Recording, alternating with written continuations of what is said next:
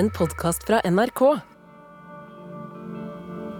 I en mørk og skitten leilighet, i en dobbeltseng omgitt av hauger med klær og gamle matrester, ligger en to år gammel jente og sover. Utenfor romsterer politiet. Pappaen er akkurat pågrepet, mistenkt for vold. Så kommer barnevernet. Det er jo fælt. Altså, hun er jo liten, og så kommer det liksom fremmede inn som skal ta henne med seg. Hvor er mamma? Hvor er pappa? Noen kilometer unna sitter en tenåring på senga og scroller på telefonen idet det ringer på døra. Barnevernet må snakke med jenta. Og mamma som åpna døra. Litt sånn Hun er her. Barnevernet vurderer å plassere jenta i et fosterhjem. Så mor gikk først, og så fulgte jeg etter. Hun grynta et eller annet i moren sin, og så var mor sånn Ja, vær så god. Jenta skrur opp volumet og fortsetter å scrolle. Hun vil ikke snakke med barnevernet. Hvert år får barnevernet inn 60 000 bekymringsmeldinger. 60 000 meldinger om barn som ikke har det bra i Norge. Toåringen og tenåringen er blant dem. Jeg har sett barn i ulike sammenhenger og tenkt har du det bra hjemme? Burde jeg ringt barnevernet? Men jeg har aldri gjort det. Nå står jeg utenfor et av landets mange barnevernkontor og lurer på hva som hadde skjedd hvis jeg hadde ringt. Jeg heter Marit Evertsen Grimstad, og dette er første episode på innsiden av barnevernet.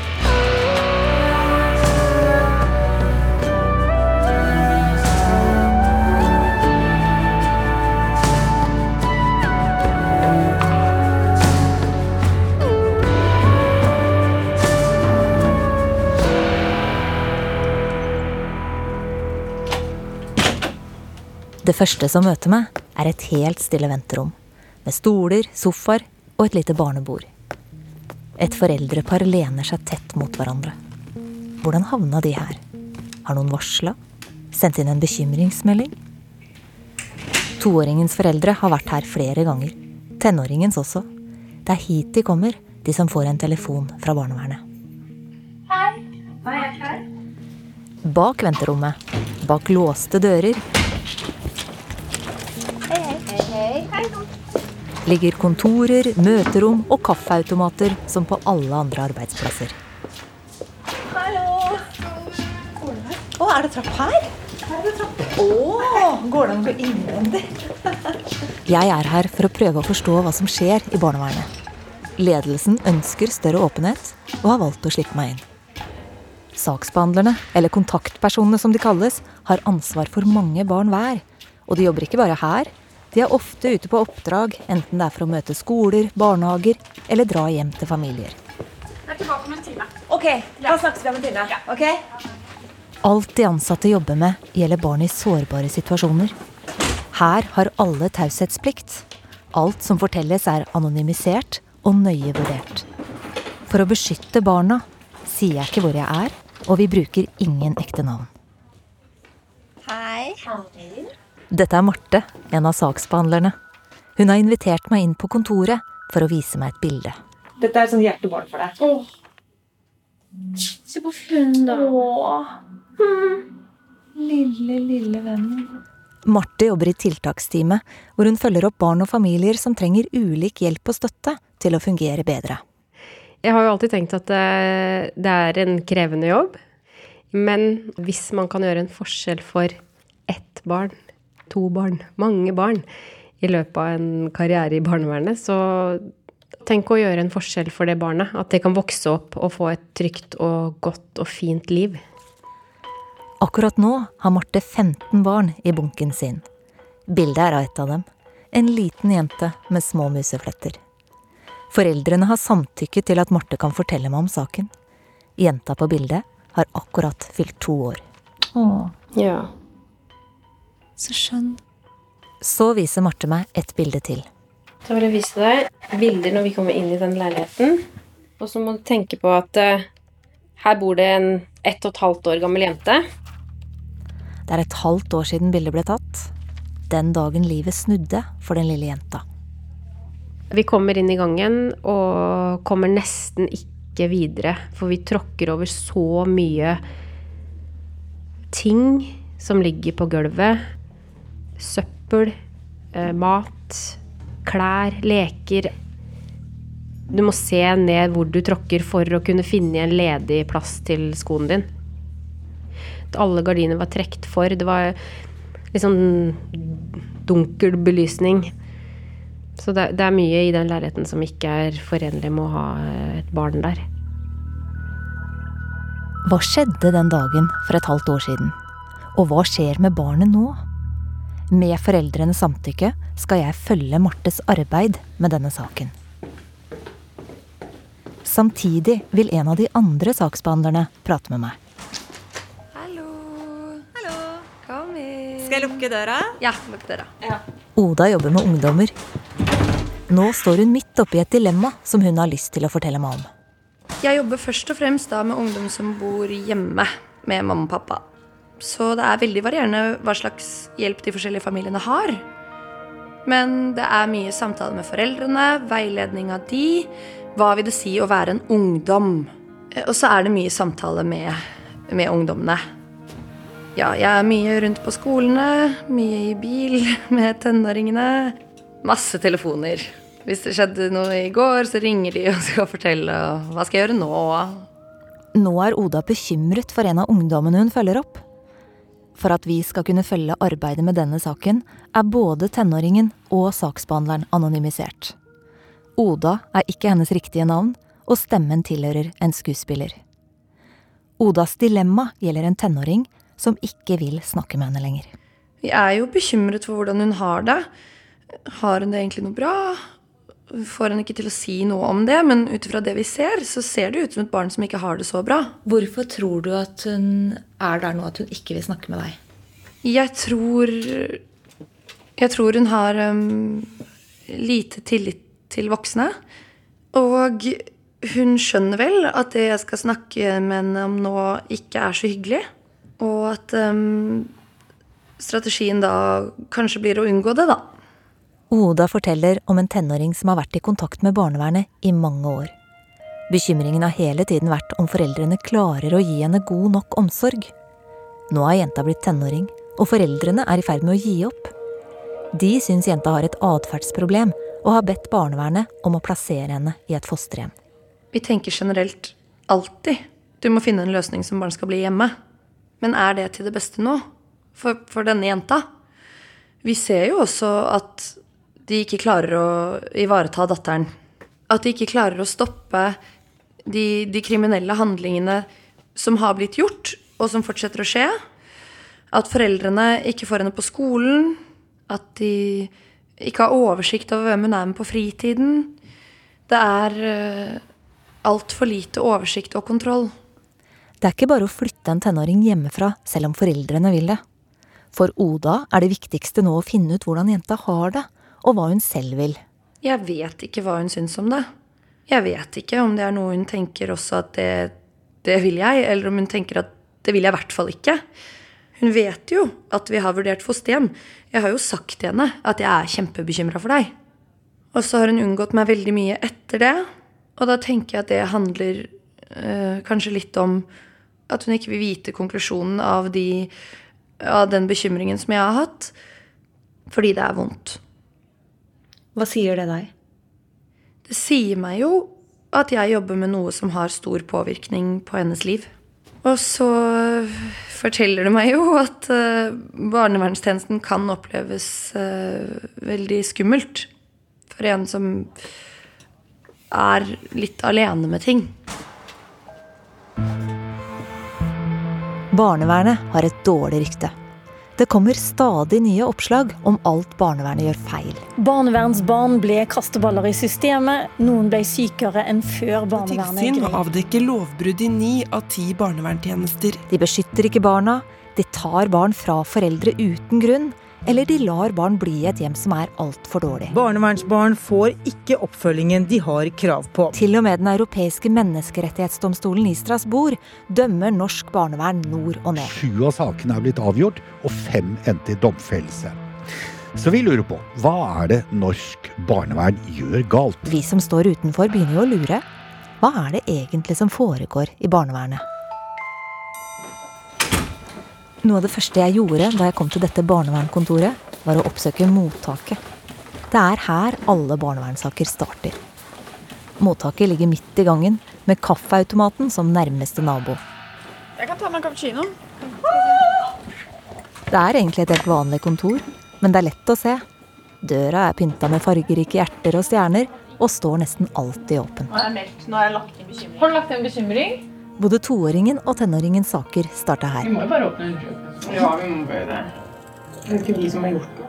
Hva er det dere diskuterer nå? Det kom en ny bekymringsmelding fra politiet eh, i en sak som vi har hatt tidligere. Hvor Det er mottaket som gjør de første vurderingene når noen tar kontakt med barnevernet. Barnevernstjenesten, det er mottaksteam. Det er alltid mulig å ringe for å få råd hvis man lurer på om et barn trenger hjelp. Det var jo rart. Men for at barnevernet skal begynne å undersøke en sak, må det sendes inn en bekymringsmelding. Det er mye som er rart her i verden. Sara er en av de som jobber i mottaksteamet. Hva tror du er den største misforståelsen om barnevernet? At vi bare kommer og tar barn. At vi kommer, og så tar vi de. Det tror jeg er den største misforståelsen som er ute blant folk. Det overrasker meg ofte at ikke folk generelt veit at barn i Norge kan ha det veldig vanskelig. For bak husets fire vegger så har vi ikke oversikt over hva som skjer i familier. Vi får jo masse bekymringsmeldinger som omhandler at barn ikke har det bra, og vi må inn og undersøke så at eh, de har det godt nok, ikke sant. Når mottaksteamet får inn en bekymringsmelding, starter jobben med å finne ut om barna har det godt nok. Det har blitt sendt inn mange bekymringsmeldinger på både toåringen og tenåringen. Men vi kan åpne saker akutt hvis det er sånn at vi får en bekymringsmelding som vi tenker at det handler om liv og helse. De færreste sakene er akutte. Det er ofte litt mer vage bekymringer som må undersøkes nærmere. Jeg pleier alltid å tenke at vår jobb i barnevernstjenesten er å matche barnets omsorgsbehov mot foreldrenes omsorgskapasitet. Vil foreldrene kunne ivareta det barnet og gi det den beste utviklingen? Det som er godt nok for ett barn, er kanskje ikke godt nok for et annet. Sara og mottaksteamet har én uke på seg til å vurdere hva bekymringen egentlig handler om. Hvis de mener det er grunn til bekymring, kobles undersøkelsesteamet på. De har tre måneder på seg til å finne ut om barnet får god nok omsorg, eller om familien trenger hjelp til å fungere bedre. Da tar tiltaksteamet over. Det er her Marte jobber, og det var sånn hun kom i kontakt med toåringen med musefletter og familien hennes for første gang. Første gang jeg kommer dit, så Jeg lurer på om henne var Jenta var eh, tre-fire måneder. Begge foreldrene er hjemme. De er veldig liksom, stolt av jenta si. Viser henne fram til meg, spør om jeg vil holde. De er tydelig liksom, veldig stolt av jenta. Det var morens fastlege som sendte inn bekymringsmeldingen. Mor sliter psykisk og er usikker i rollen som mor. Undersøkelsesteamet konkluderer med at familien trenger foreldreveiledning, og Marte får oppdraget. Det er dette barnevernet driver mest med. Å hjelpe familier med å klare hverdagen selv. Jeg syns at de var en fin familie. At begge to var så opptatt av jenta. At begge to viste interesse for henne. At begge to var eh, veldig sånn delaktige i veiledninga som vi hadde. Engasjerte. Marte liker å jobbe med de minste barna. I denne perioden var hun jevnlig hjemme hos familien. Hun ser at jenta blir større og foreldrene tryggere. Og hun får etter hvert et godt forhold til både mor og far. De turte å fortelle om hva de strevde med, da. At de syntes at det var vanskelig når hun gråt. Sånne bekymringer som alle mm, nybakte foreldre har. Spiser hun nok? Er hun for varm? Er hun for kald? Kan vi ta henne med ut når det Altså helt vanlige spørsmål eh, hadde de. Og min rolle da var på en måte å trygge dem, fordi at de gjorde en god jobb. Marte ser også at foreldrene ikke er like opptatt av å holde leiligheten ren og ryddig, og må innimellom be dem om å vaske. Vi har hatt en sånn tone at det, det Nei, men nå, nå, må dere ta dere sammen. Nå må dere vaske opp, ikke sant. Sånn kan vi ikke ha det her hjemme. Og litt sånn praktisk boveiledning. Og de har tatt imot på en egentlig fin måte og ledd litt sjøl, og så bare ja, vi veit det. Begge to var liksom ja, det skal vi gjøre. Og, og jeg kom tilbake om noen dager, og det var Det var rydda.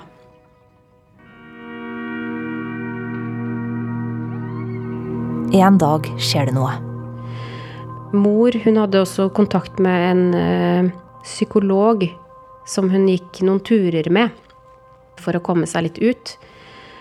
Og en dag så gikk hun tur med henne, hvor hun ser at mor har et blåmerke i ansiktet. Så sier hun at det er far som har påført mor det.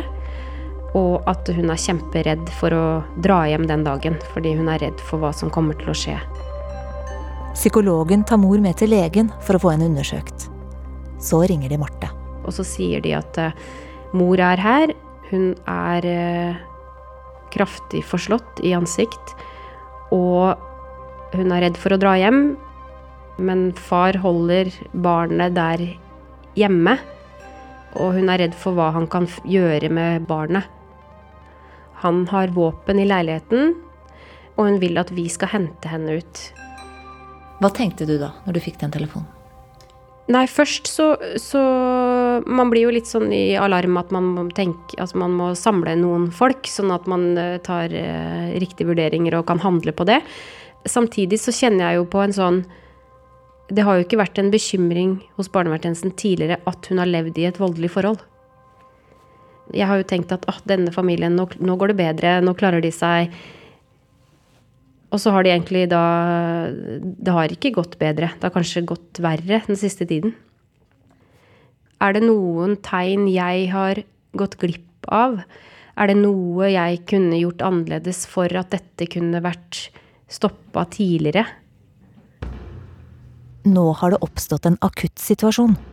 Marte varsler lederen sin, og de gjør en sikkerhetsvurdering. At vi ikke kan dra hjem dit aleine, så vi må ha politibistand når vi skal hjem dit. Marte skal heller ikke dra dit alene fra barnevernet. I sånne situasjoner er de alltid to. Og da kobler vi på en fra mottaksteamet. Sara fra mottaksteamet blir med ut. Politiet har ansvar for sikkerheten, mens Marte og Sara har ansvar for jenta. Vi veit at det er en far som utøver vold. Han er mulig ruspåvirket, og han har våpen hjemme og det er en liten jente der. Da blir jo jeg veldig bekymra for hvordan det går med henne. Vi trenger å få ut denne jenta, og vi trenger å få henne til mammaen sin. Trygt ut av leiligheten. Mens politiet er inne for å sikre leiligheten og pågripe far, sitter Sara og Marte i bilen og venter på klarsignal. Da sitter vi og venter, og da vet vi jo ingenting. Det er jo da vi tenker på denne jenta. Hva er det hun ser nå, hva er det som skjer nå? Kanskje han ikke åpner døra hvis de må bryte, altså banke inn døra. Hvor mange politimenn er det som braser inn i leiligheten? Vil han gjøre motstand? Er det våpen som han kan bruke? Det er jo ubehagelig. Helt til vi får det tegnet at uh, nå kan dere komme. At de vifter oss inn med hånda at uh, nå, det, nå, nå kan dere komme og gjøre deres jobb. Leiligheten er sikra. Jenta ligger og sover og i gangen står pappaen i håndjern med én politimann på hver side. Senere skal han fortelle at han mener han ble lurt den dagen, og at barnevernet bare er interessert i mors side av saken. Men nå står han der i gangen og ser på Marte. Og han sa også 'jeg skjønner ikke, jeg skjønner ikke hva er det som skjer nå'. Og, da kjente jeg på litt sånn puls at uh, jeg måtte ta en, innta liksom en annen rolle overfor han enn hva jeg hadde hatt før, med den litt sånn fleipete tonen som vi hadde hatt. Eh, og at jeg da kom i et helt annet ærend enn hva jeg hadde vært der tidligere. Så går Marte og Sara inn i leiligheten for å finne jenta. Jeg har sett mange leiligheter, men jeg har aldri sett en som den leiligheten. Det var fullstendig kaos. Og det vondeste er jo kanskje at denne jenta ikke har et sted å bevege seg på. Hun hadde én kvadratmeter å bevege seg på. Og hun er i en alder når du skal krabbe, klatre, henge på stoler, du skal utvikle fysisk motorikk, og hun har ikke, hun har ikke mulighet til det. Det ligger saks på gulvet, det ligger gammel mat som råtner, det ligger gamle tåteflasker med gammelt innhold, hundemat. Og det er så skittent at denne jenta ikke klarer å Hun klarer ikke å bevege seg annet enn på et lite yogateppe som er én ganger én meter, og det er den plassen hun har. Men når vi kom inn i leiligheten, så lå jo denne lille jenta og sov på foreldrenes seng fortsatt. Hun lå med den største ro i denne lille hulen som foreldrene hadde laga midt i senga.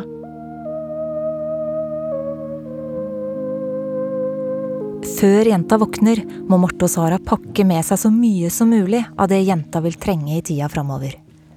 Mammaen har gitt beskjed om hva de ikke må glemme. Hun sier det er den sekken som jeg vil at dere skal ta med. Og så er det dere glem alt av klær, men husk bamsene hennes. Og det var noen uh, figurbamser som var det viktigste for mamma. For hun sa hvis jeg aldri skal hjem dit mer, så vil jeg at hun har med seg de bamsene. Hun klarer å tenke at for jenta så er det viktig at de bamsene blir med. Og da blir det så viktig for oss å finne dem. For vi veit at hun mest sannsynlig aldri skal tilbake i den leiligheten. At dette er siste gang hun er der. Og kanskje hun aldri ser lekene sine igjen. Kanskje hun aldri får de klærne igjen. Eller får den tallerkenen som hun er vant til å spise av. Det blir viktig for oss fordi vi veit omfanget av det som skjer nå. Tror jeg. Dette er ikke en quick fix. Så vi fant bamsene.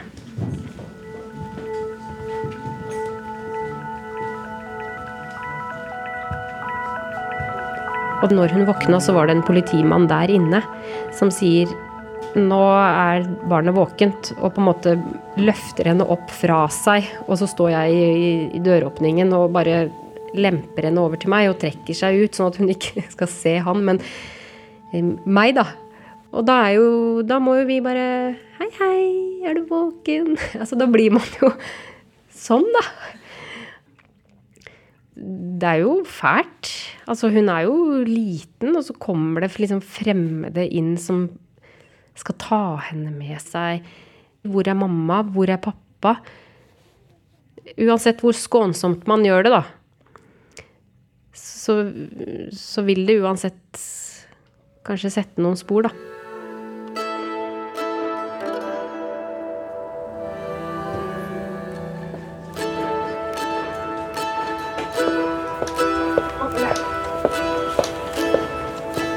Er det det at det er så mye? Jeg tror det bare Ja, det også. Eller det var ikke sånn kjempemye, ser jeg, men uh, Jeg står utenfor kopirommet og venter på at Marte skal skrive ut noen dokumenter. Du må sikkert igjennom noen uh, murer. Ja. Sikkerhetsmurer. Ja. Der. Og så er det jo eh, litt strengt. Da, så det er jo ingen andre som skal se disse papirene, så jeg må stå her og passe på til alt er ute. Som kontaktperson har Marte ansvar for at alt som skjer i toåringens sak, dokumenteres. Det er på en måte jeg som er eh, barnets stemme. Tror du kommer til å ville se den mammaen? Jenta? Ja, det kan det godt være. At hun vil. Det er jo mange som ønsker det når de blir voksne. Da er det i hvert fall viktig at alt er riktig, da. At de skal se liksom en sånn rød tråd, eller at de skal se, forstå sammenhengen sjøl. At alt er dokumentert? Ja. Alt fra første bekymringsmelding eh, til tiltaksplaner, evalueringer, møtereferater, eh, vedtak. Altså, hvis hun leser det, da, så skal hun på en måte kjenne at dette var riktig gjort av de voksne som var rundt meg. Men det er jo sikkert mye vond lesing. Her ligger det jo bilder og alt ikke sant, fra leiligheten. Det har hun jo ikke noe, sikkert noen minner av når hun blir eldre. Ta-ta! Det var det? Det var den.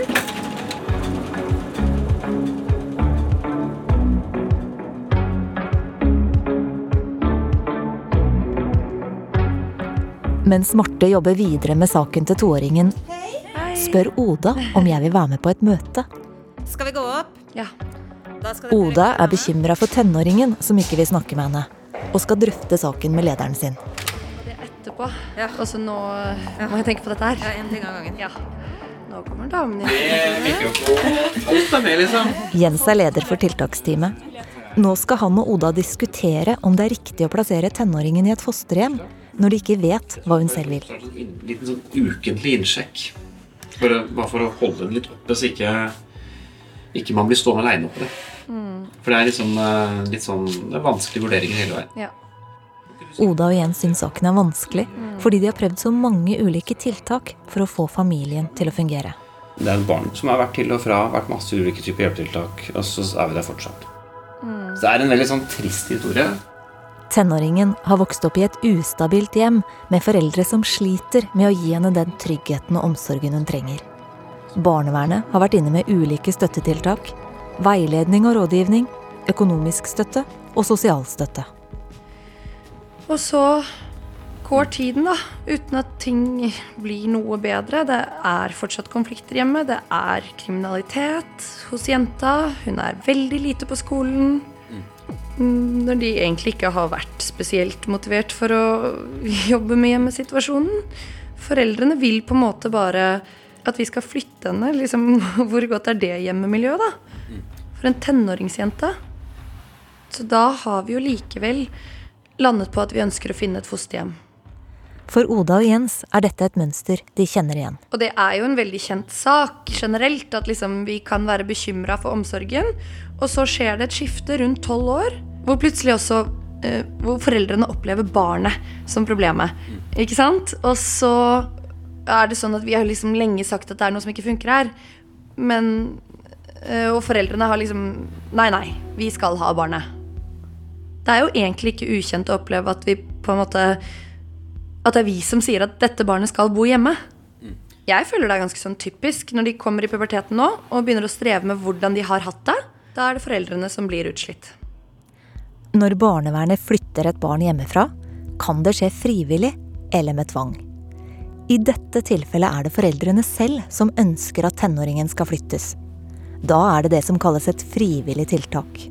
Det innebærer at tenåringen plasseres i fosterhjem en periode med foreldrenes godkjenning. Og det kan fungere bra at foreldre og barn får en pause fra hverandre. Odas utfordring er at hun ikke aner om dette er noe tenåringen kan tenke seg. Og jeg har hver dag på et eller annet vis prøvd å komme i kontakt med henne, og har ikke lyktes. Riktig. Hva er, hva er det du vil mest da? Eller hva er det du ønsker aller mest å skulle begynne med? Hva er det som er viktigste for deg nå? Greia er jo at jeg blir kjempeusikker på om vi har gått for riktig beslutning med frivillig plassering. Men dersom vi lander på at det er fortsatt det vi skal, da, da må vi planlegge sammen hvordan, hvordan vi da skal gå framover. Ja, når jeg hører du snakke, så så, så er ikke du usikker på om vi skal plassere Røff utafor hjemmet eller ikke. Nei. Om det er frivillig, eller om det skal gjennom sykehuset nå. Ja, jeg er litt der. Så uavhengig av det, så må vi ha en plan på at hun må vite hva vi tenker. Hun må uansett vite hva vi tenker. Ja. Uansett hva vi tenker. Ja. Oda og Jens er enige om at jenta ikke har det godt nok hjemme. De mener at hun vil få det bedre i et fosterhjem, men de ønsker også at det skal skje som et frivillig tiltak. Da må de snakke med jenta. Det er såpass inngripende ting som vi holder på med i den familien her, når man vurderer et fosterhjem, og selv om hun egentlig tilsynelatende ikke viser noe ønske om å snakke med meg, når det er en så alvorlig ting, så må hun få muligheten. Om det så bare er at jeg sier noe, og hun rister på hodet, så er faktisk det også en viktig ting for oss. Å gi henne muligheten til å riste på hodet. Og ikke bare si at 'nei, men hun vil ikke', så da er det ikke noe vits. Mm. Det er vits å få et nikk eller et, et hoderist, da. For meg. Um, mm. Oda har avtalt mange møter med jenta. Hittil har det blitt bomtur på bomtur. Men hun gir seg ikke. Tintor opp nå. Det var det, da. Skal du høre om mottak kan være med deg? Ja. Si hva spørre. Ok. Jeg, Vi kanskje får det til. jeg prøver å komme opp nå. Nå vil Oda gjøre et siste forsøk på å få tak i henne på skolen. Men jeg tror øh, Jeg tror jo ikke hun kommer til å være på skolen resten av den dagen her, da.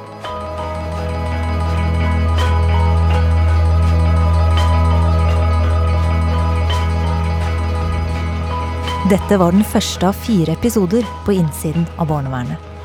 Av hensyn til barna har vi valgt å anonymisere de medvirkende og barnevernkontoret vi er på. Vi har også endret noen faktaopplysninger. Episoden er laget av meg, Marit Evertsen Grimstad, lyddesigner Merete Antonsen, researcher Lisbeth Fauske Løland og prosjektleder Ida Skeie. Odas stemme leses av skuespiller Ingrid Giæver. Musikken er laget av Geir Sundstøl, og redaksjonssjef er Randi Helland.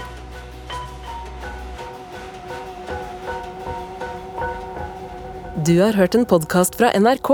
Hør alle episodene kun i appen NRK Radio.